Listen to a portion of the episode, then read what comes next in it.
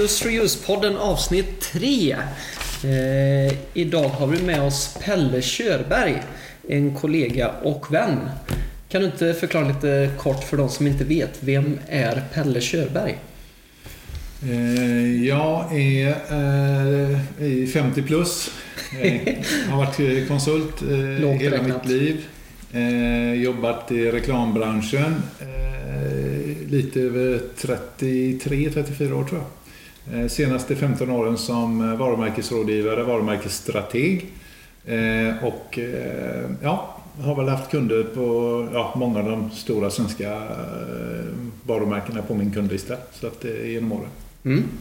Det är lång tid och vi håller på med en podd om hållbarhet som vi arbetar med och med din erfarenhet så att säga och vad du har varit med om.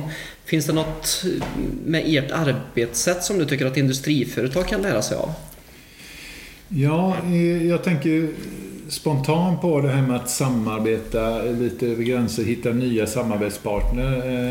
Eh, inom, inom reklam och kommunikationsbranschen så är man ju hyfsat bra på ta in experter hela tiden för olika saker. Alltså det är fotografer, det är skripter, det är filmare. Det är liksom eh, den typen av, så att säga, man är van vid att samarbeta och så ta in dem man behöver. Jag tror att de här kanske klassiska linjära organisationerna där alla, allting ska kunnas och finnas i huset, det, det kommer, tror jag, den tiden är förbi nu. Utan nu behöver samarbeta kanske i mer projektform än eh, just det här vanliga bara ongoing business. Liksom. Ja. Menar du då över gränserna mot andra eh, bolag eller är det expertisen man ska Både och. Alltså, hitta och, produktutveckla mm. kanske och så att säga, hitta nya sätt att utveckla nya produkter tillsammans med även kundsidan som man har för de vet kraven och behoven på ett annat sätt än, än vad kanske eh, det egna produktionsföretaget har. Då. Så att eh, samtidigt som man då kan ta experter utifrån vissa funktionaliteter, teknikaliteter eller vad man då behöver. Jag tror att man behöver höja kompetensnivån. Eh, både som sagt var det man har inne som naturligtvis är oerhört eh, bra och duktig och viktig kompetens. Men att också addera kanske just de här eh, sakerna som gör att ett plus ett eh, inte bara blir två, det kan bli tre eh, när man hittar den typen av form. Ja, precis. Vad är det som gör att inte företagen har kommit dit än? Nej, men man är van vid att eh, ligga i linjära processer. Eh, och, och, då tror jag så att då bygger man den typen av kompetens internt. Liksom, alltså steg för steg för steg i den värdekedjan. Liksom. Och, ja. och, men nu kommer korsbefruktningarna krävas på ett helt annat sätt. Alltså, nu är det inte ett antingen eller och det är inte så linjärt längre i, i speciellt i produktutvecklingen. Jag menar, de stora internationella företagen de lägger till och med ut på världssajter att de vill ha in innovativa lösningar på deras egen, liksom, eget varumärke eller företag, vad de jobbar med. Ja. Så att det är öppen, den här öppenheten kommer att vara oerhört viktig eh, i det. Alltså open innovation kallar man det. Då. Så vi går egentligen från linjär ekonomi till cirkulär ekonomi, men du menar även kunskapsmässigt så ja. går vi cirkulärt så vi ska bli mycket mer ta hjälp från olika... Ja, eller både horisontellt, horisontellt och vertikalt. Liksom. Ja. Alltså man kommer jobba på, på alla parametrar tror jag. Det, och där kan man säga, det har som jag sa då, alltså, de här som är vana att jobba projekt tror jag har haft lite fördel på det eh, genom åren. Och exempelvis då reklambranschen då, som vi pratade om. Ja, precis. Vad, i, I reklamsammanhang säger man att det bara går att säga en sak och man ska säga den tydligt om och om igen. Eh, så om du bara fick säga en sak om hållbarhet, vilken skulle det vara?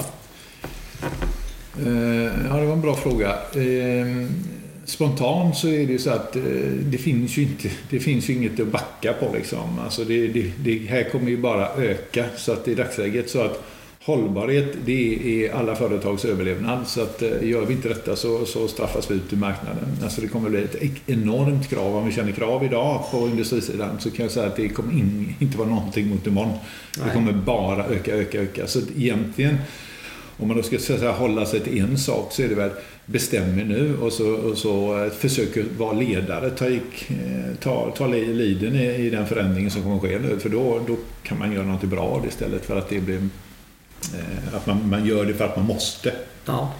Men då har jag en fråga Pelle och denna frågan driver mig väldigt mycket. För vi är helt eniga i det du säger. Mm. Vi är inte i början utan vi är inne i någonting som bara kommer fortsätta. Ja. När Dagens Industri tar en parameter på hållbarhet när man värderar ett företag. Men hur ska vi få med etablissemanget från politikerna att förstå att detta går fort? För idag, så vi, vi sliter ju med att vi vill göra saker fortare än samhället hinner med. Ja. Vad är det vi misslyckas med där? Äh, Då får man ju tillbaka. Det är ju, det är ju eh, påverkan så tillvida opinionsbildningen. Liksom. Alltså nu har vi alltså, som jobbar med de här frågorna, vi har ju vinden i ryggen så tillvida att alla, den gemene mannen är ju med oss på vår sida. Så det kommer ju bli pressen och trycket nu mot etablissemanget eller man ska säga, politiker eller, eller, eller myndigheter eller vad det då är. Så att till slut så, så har de inget val. Eh, Så att jag tror att det kommer gå mycket, mycket fortare än vad vi hittills har gjort. För hittills är det samma sak. Visst är det många företag som har, ja, måste vi gå in i det nu? Vi har ju nog med våra vanliga saker. Så skjuter man på de här frågorna så skjuter man på det. Ja, men det är ju bara lite miljöfrågor. Det är ju rätt okej. Ja, men det här är så mycket mer än några miljöfrågor. Det här är våran överlevnad för kommande generationer. Alltså det här är eh, en överlevnadsstrategi nästan. Gör vi inte detta nu så, så, så kör vi skiten i botten. Eh, Och då blir det ju som sagt krav, kravställa nu, det är ju jorden och eh, ko- nästkommande generation. Och det är klart, de vet vi, de vill vi inte bråka med. För då blir det ju studentuppror. Ja, precis. Tror du att eh, kommer det här även att förändra det traditionella eh, landskap som vi har med eh, säljare, köpare? Eller hur kommer liksom den... Alltså jag tror ju precis som det som jag var inne på innan, alltså samarbetsformerna kommer vara helt annorlunda framöver. Alltså, man kommer att behöva docka i varandra mycket, mycket tidigare i processen än att vara helt färdig alltid med sin produkt eller sin produktutveckling. Den kanske är 60 procent. Man har en, en strategi, en tanke vad det är man vill gå åt och sen så bjuder man in kunderna i den resan Ja. för att eh, delge en de sista eh, så säga, kravställningar som de har i sin tur ifrån eh, sina kunder. Så att eh, det här går ju hand i hand och vi måste så sagt var förstå slutkunden eller end-usern på något sätt. Alltså det är ju det vi behöver göra och då, då måste vi samarbeta med de som producerar våra grejer även i nästa led. Då. Ja, alltså det är ganska spännande då för läser man media så varenda företag säger att de är hållbara idag eh, och använder det mycket i sin kommunikation på olika sätt. Talar de sanning eller är det något man säger för att man måste? Eller hur mycket ligger det i, hur mycket ligger det i detta?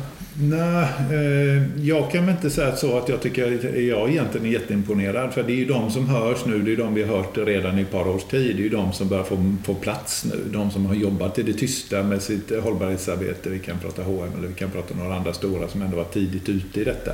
Ja, Eh, Men nu får de ju som sagt var rubrikerna i tidningarna som de kanske inte fick för några år sedan. Eh, För då var det liksom etableringsfrågor som de åkte på i, i- i media istället. Liksom. Så att, eh, jag tror att vi har en jävla massa företag nu som ligger i skuggan och inte riktigt har fattat hur, hur långt detta tåget har gått. Men eh, eh, jag vet ju att eh, vi tillsammans har pratat om vad, hur, hur bara förändringen i, i en tidning som Dagens Industri i, i dagsläget så har vi ett antal artiklar varje vecka som handlar om hållbarhet.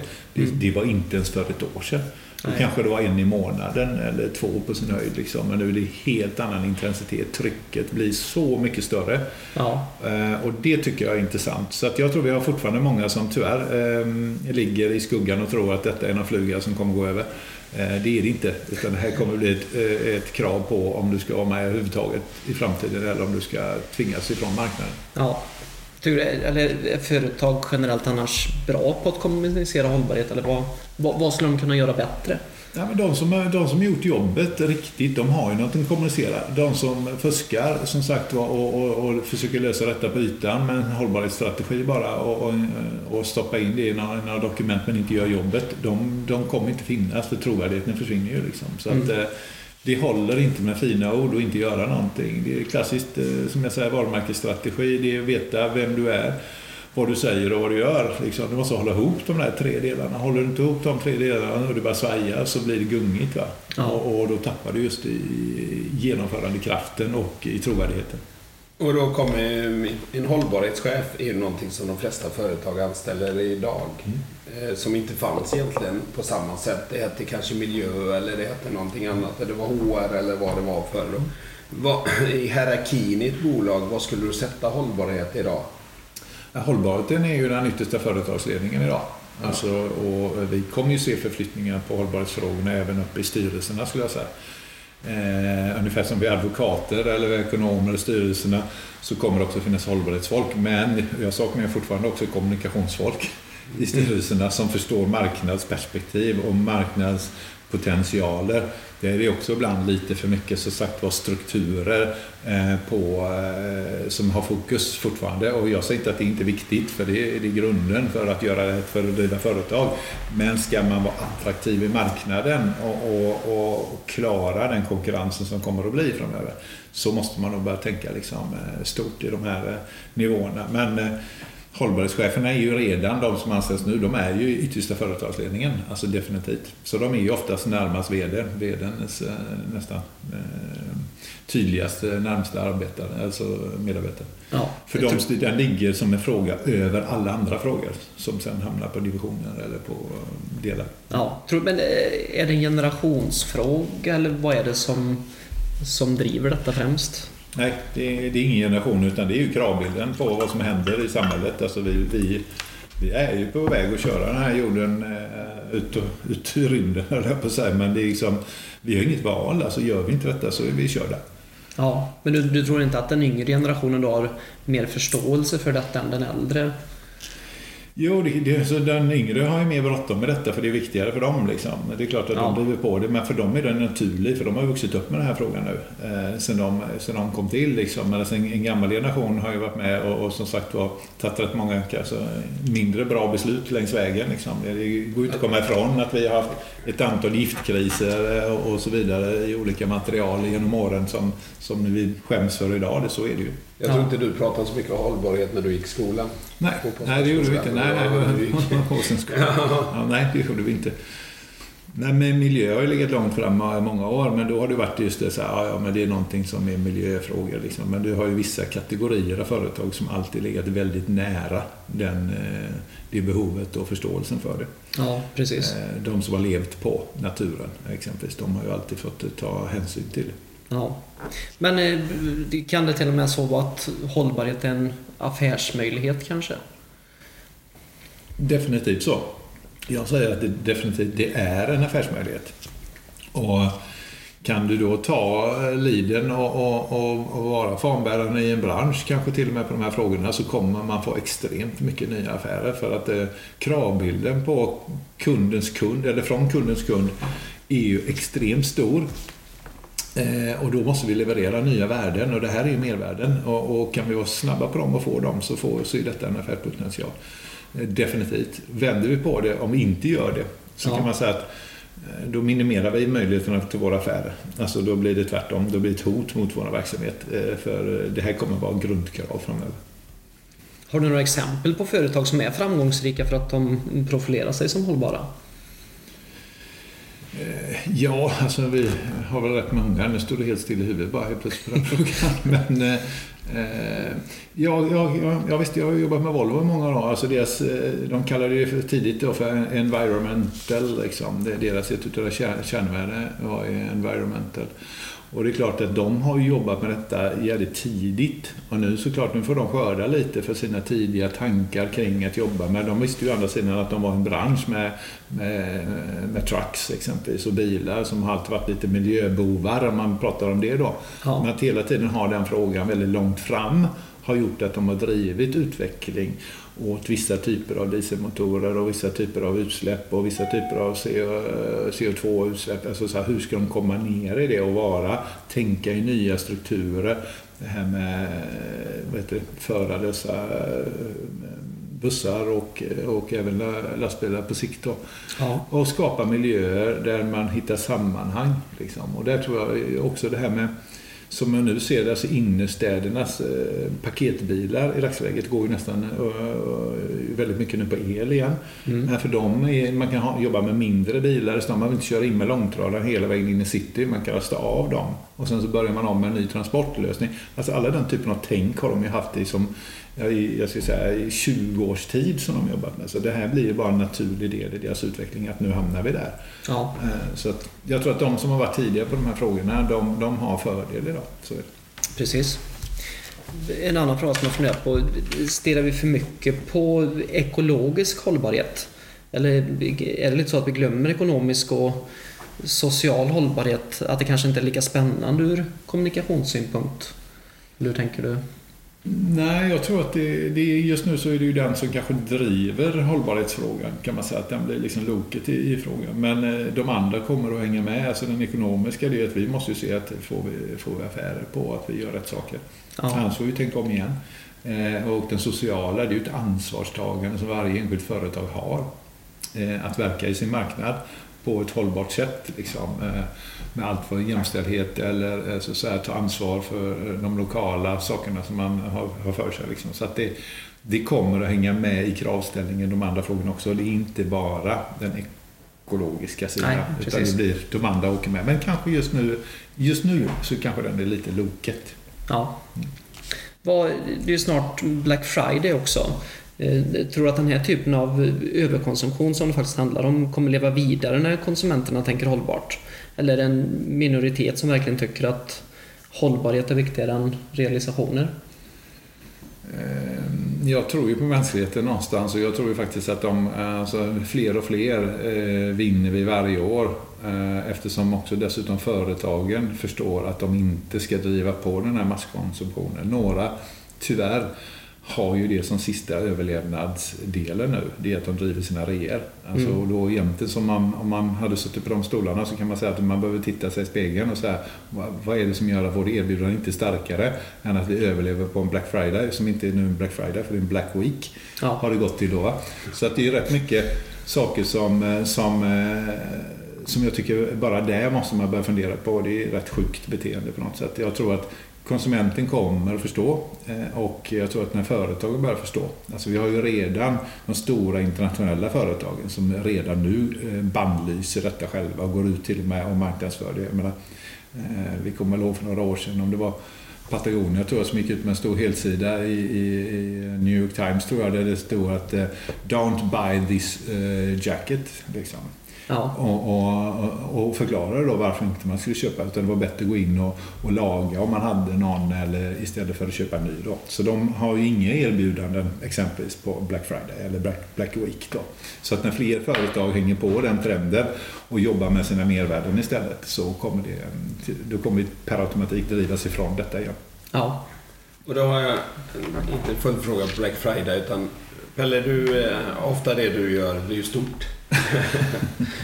Uh, och ett, uh, det ska du förklara varför det alltid blir stort när du gör det. Men jag har en fråga där innan. Mm, mm. Är hållbart ledarskap pratar man mycket om idag. Mm. Uh, vi pratar med, det kan ju vara en företagsledning som bestämmer sig för detta. Men hur ska man få med sig sina, alltså sina människorna som arbetat tillsammans med ändå. Scania, de hade stängde sin fabriken en dag och pratade mm. hållbarhet. Ja. Vad, är det den vägen man ska gå då, eller vad är... Ja, jag tror att det är ju att få med sig så många som möjligt med insikterna, insikten och mervärdena vi får genom att ta de här besluten och vad det också kanske då ibland får för konsekvenser. För att ibland när det fattas beslut så är det klart att vi glömmer ju att få med oss de som, som sitter i våra väggar eller i våra hus och är delaktiga i detta. Och så tror vi att det är liksom bara frontline. Det här eh, gäller att få med sig varje enskild individ på ett företag att bli stolta över att jobba på ett företag som eh, faktiskt eh, arbetar seriöst och trovärdigt och långsiktigt och hållbart. Då. Det tror jag väldigt mycket på den stoltheten att kunna säga det på, på fredagskvällen när man sitter och tar en öl med bästa kompisen. Men nu kommer vi tillbaka till min fråga. Varför blir allting så stort som du håller på med Pelle? Det spelar ingen roll ifall du ska ha en föreläsning så sitter du i TV4-soffan eller du ska ha en scen eller ifall du... Det är liksom... Eh, vad är det som gör att du får människor med dig? Det kan vi faktiskt tipsa de som, som inte känner till Pelle Körberg så, så jättebra sedan tidigare. Gå in på TV4 Play och eh, sök på, på Pelle. Så får ni höra lite, om hans, lite mer om hans bakgrund och den, den föreställningen som vi fick höra lite om där också.